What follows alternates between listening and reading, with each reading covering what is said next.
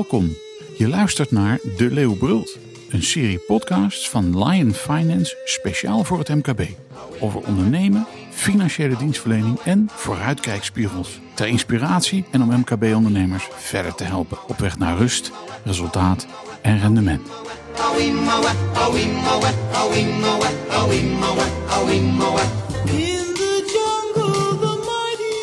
Fijn dat je luistert. We hebben er in de Leeuw Brult al eens eerder aandacht aan geschonken. De uitspraak van de Hoge Raad over het belasten van het vermogen in box 3. En de gevolgen daarvan voor zowel de direct betrokkenen als de schatkist van de overheid.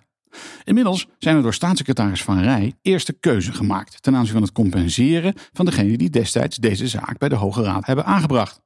Alle reden dus om richting MKB-ondernemers opnieuw helderheid te verschaffen. En dat doen we met Hans Schreuder als fiscalist to share verbonden aan Line Finance en Jeroen Rondeel, partner van Line Finance. Heren, van harte welkom. Dankjewel. Allereerst een vraag aan jou, Hans. Ik zei het al, staatssecretaris Van Rij heeft aangekondigd dat de bezwaarmakers sowieso worden gecompenseerd. Wat, wat betekent dat dan eigenlijk in de praktijk? Nou, de praktijk uh, betekent dat volgens de staatssecretaris dat en ieder die in bezwaar gegaan is, en dan spreken we over de belastingjaren 2017 en verder, uh, dat die in ieder geval een compensatie krijgen conform het voorstel wat er uh, nu ligt.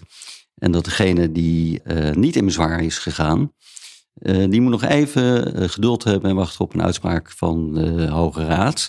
In hoeverre deze groep door het indienen van een ambtshalve verminderingsverzoek ook deelachtig kunnen worden het herstel wat geboden moet worden volgens de Hoge Raad. Dus theoretisch, Hans, is het dus mogelijk dat ook de mensen die niets met dat bezwaar te maken hadden, dat die uiteindelijk toch nog gecompenseerd gaan worden? Ja, dat is zeker uh, denkbeeldig. Omdat ik ook verwacht dat, uh, ook al zou de staatssecretaris van mening zijn dat die geen recht hebben op herstel, dat er toch weer opnieuw procedures gevoerd zullen worden. Omdat die belastingplichtigen vinden dat de Hoge Raad al eerder heeft uitgesproken dat er sprake is van eenstrijdigheid met internationale verdragen.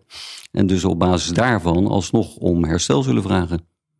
En Jeroen, uh, dit gaat over, over patiënten, hè? dit gaat ja. over vele miljarden. Uh, en dan hebben we het alleen nog maar over de bezwaarmakers. Want er gronzen allerlei getallen rond in, uh, in Den Haag van 15 miljard, 15 miljard, dat is enorm.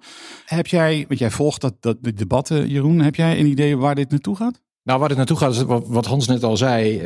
dat is voor de mensen die geen bezwaar gemaakt hebben, nog even afwachten. Alleen wat we wel weten is dat er een gat in de begroting zit. En uh, ja, daar moet iets mee gebeuren. Uh, want dat kan zo niet. Want we hebben natuurlijk al heel veel geld uitgegeven om uh, zeg maar Nederland door de coronacrisis heen te helpen. En dit komt er nu nog bovenop. Ja, en dan ergens zal dat toch het gelag betaald moeten worden. Ja. Dus dat is wel duidelijk. Hoe dat precies zit, nou, daar zullen we zo meteen nog ook verder even over hebben natuurlijk. Maar ja, dat het om uh, veel geld gaat en dat dat uh, pijn gaat doen ergens, dat, uh, dat is wel duidelijk. Ja. En politiek ligt het gevoelig, hè Hans? het ligt absoluut gevoelig. Er is natuurlijk een grote groep in het parlement die eigenlijk van mening zijn dat beleggers die naar hun idee veel verdiend hebben de afgelopen jaren geen compensatie behoeven. Om een idee te geven over de getallen waar we het over hebben, de box 3 heffing in totaal in de jaren 2017 tot en met 2020 is rond de 27 miljard geweest als opbrengst. Nou, dat is een behoorlijk bedrag. En waar de staatssecretaris nu aan denkt, is, een, uh, is de zogeheten spaarvariant. En dat zou dan betekenen een compensatie van rond 2,8 miljard. Nou, die spaarvariant uh, zorgt in ieder geval voor dat de spaarders die uitsluitend uh, geld op een spaarrekening hadden staan, inderdaad een compensatie kunnen verwachten. de grote groep beleggers, die zullen gaan rekenen om te kijken of het herstel wat hen geboden wordt, inderdaad een, een redelijk herstel is, wat de Hoge Raad ook voorgeschreven heeft. Er moet een redelijk herstel plaatsvinden. En er zullen ongetwijfeld ook beleggers zijn die uh, onfortuinlijk in verkeerde uh, beleggingen zijn ingestapt en helemaal geen rendement gemaakt hebben. En ik, mijn verwachting is dat met name die groep niet tekort zal gaan met het herstel wat geboden wordt door de staatssecretaris. Hoe je het bent of keert, het gaat vele miljarden kosten. Um, en nou heb ik het idee, als gewone eenvoudige krantenlezer, dat uh, een groot deel van de politiek denkt dat ze dat bij de MKB-ondernemer moeten gaan halen. Is, is die gedachte juist? Ja, de eerste gedachte is dat uh, de groep beleggers het herstel zouden moeten betalen. Uh, met het idee, zoals ik al zei, dat die behoorlijk winsten gemaakt hebben de afgelopen jaren.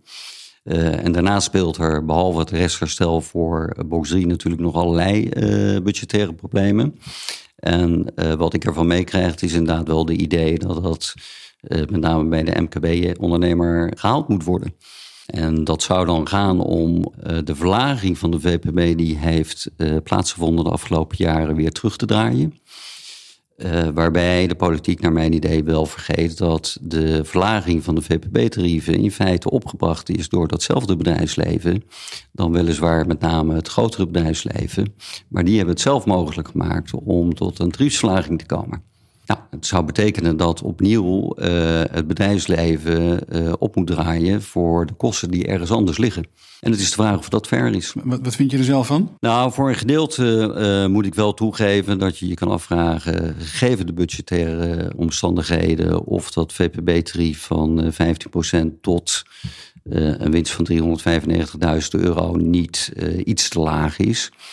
Uh, wat ik al zei, daar moeten we dan wel rekening mee houden dat die, die verlaging is opgebracht door grondslagverbreding. Dus uiteindelijk heeft het bedrijfsleven het zelf mogelijk gemaakt om die tarieven naar beneden te krijgen. Maar in verhouding met uh, uh, mensen die gewoon in loondienst uh, behoorlijk verdienen, kan je je afvragen of dat niet iets slaag geworden is. Parallel daaraan is een discussie in de Kamer vooral over dat we arbeid te, te veel belasten en vermogen te weinig belasten. Daar komt nu een, een verhaal boven bedrijven, waarin in de politiek, Jeroen, speelt een rol in de voorjaarsnota volgens mij in de discussies. Uh, om uh, uiteindelijk box 2 uh, vermogen zwaarder te laten belasten. Nou, voor alle duidelijkheid. Een box 2 vermogen is vermogen wat in een onderneming zit. En een ondernemer ja. reserveert of opbrengt uiteindelijk voor zijn pensioen. Als ik het even zo mag. Ja, in de meeste gevallen is dat inderdaad eigenlijk een pensioenvoorziening voor de directeur groot aandeel. Ja, wat, hoe kijk jij daar tegen, tegenaan, Jeroen? Ja, dat is, dat is natuurlijk best vreemd. We hadden het net al even over, uh, over het belasten van arbeid uh, ten opzichte van het belasten van winst. We hebben in Nederland een pensioenstelsel en dat uh, maakt dat zeg maar de, de heffing van pensioengelden pas plaatsvindt op het moment dat ja, die tot uitkering komen. En niet op het moment dat die ehm, worden belegd of gebruikt en een ondernemer die zijn onderneming verkoopt, staakt en ja, dan van het geld moet gaan leven ja, die, uh, die moet dan al uh, aan, het, aan het begin van de rit afrekenen, zeg maar. Je kan je afvragen of dat helemaal fair is. En te meer daar ja, ook het vermogen wat een ondernemer uh, opbouwt, ja, ook weer gebruikt wordt om uiteindelijk investeringen te doen. Dus de vraag is even of dat helemaal terecht is. Ik las een verhaal van een interview met Jacco Vonhoff van, van MKB Nederland.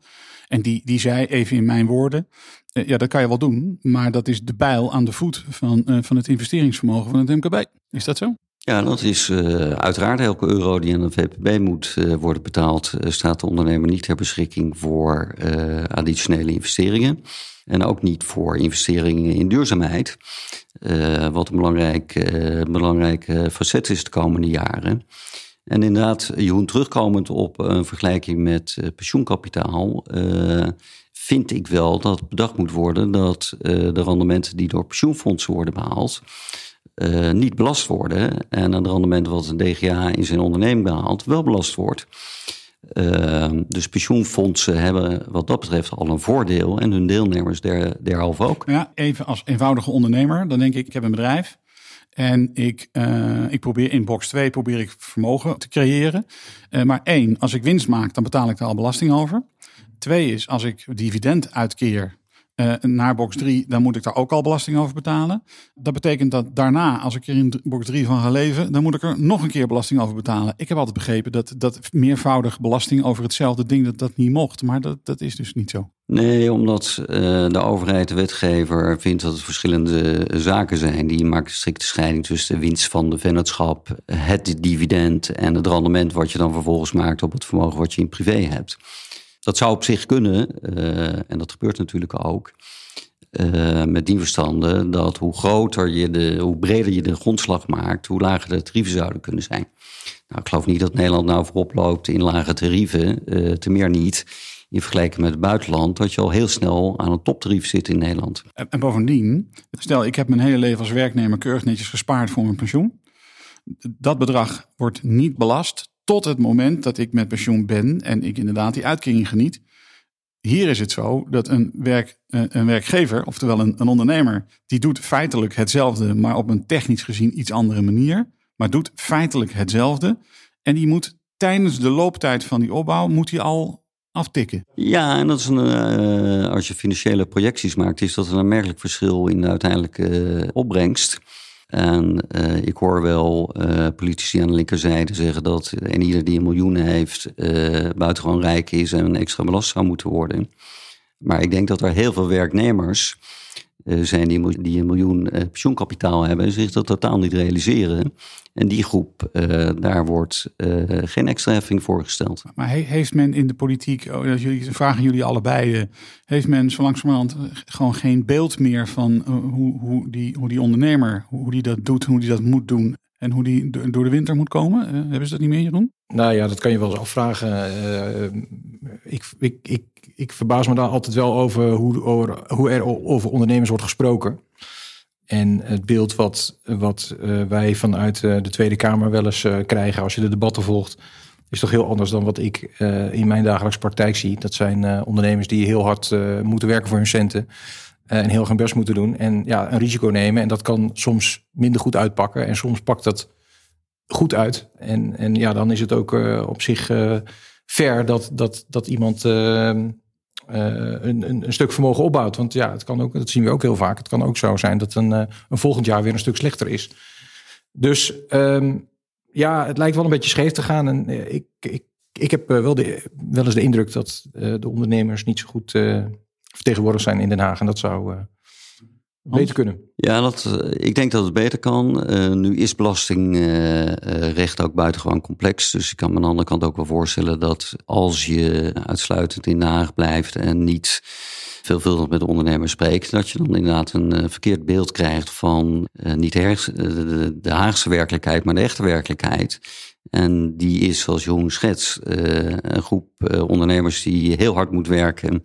Zeker om het verlies van de afgelopen jaren goed te maken en geconfronteerd worden met een Haagse werkelijkheid, die denken dat uh, daar heel veel te halen is. Terug naar box 3. Uh, die Haagse werkelijkheid. Want we, gaan, we zijn er nog lang niet vanaf hè, van dit dossier, zoals dat heet. Hans, wat, wat kunnen we verwachten de komende tijd? Nou, ik verwacht, en dat is eigenlijk ook wel wat uh, het ministerie en de Belastingdienst naar voren heeft gebracht. Uh, eigenlijk zijn er twee mogelijkheden. Of je gaat heel ruim compenseren en dan zullen er minder uh, belastingplichtigen in bezwaar gaan dan een procedure opstarten. Dat kost een hoop geld. Ben je te ruimhartig, dan kost het te veel geld gezien de budgettaire problemen die er nu liggen. En daar zal men ergens een balans in moeten vinden. Nou, één ding is zeker, we hebben, Joen, we hebben hier nog niet voor het laatst over gesproken, hè, over deze zaak. Dat, uh, dat zou maar zo kunnen. Dus dit is aflevering 2 uh, over box 3. Maar ik, ik verwacht dat uh, de afdeling 3 over aflevering 3 over box 3, die komt er ook nog wel aan met jullie twee. Dat denk ik wel, ja. Daar kijk ik dan in ieder geval naar uit. Jongens, heel veel dank. Oké, okay, dankjewel. dankjewel. Dit was hem weer voor vandaag. Namens Hans Schreuder en Jeroen Rondeel, bedankt voor het luisteren. Mijn naam is Koos Woltjes en tot een volgende keer. Je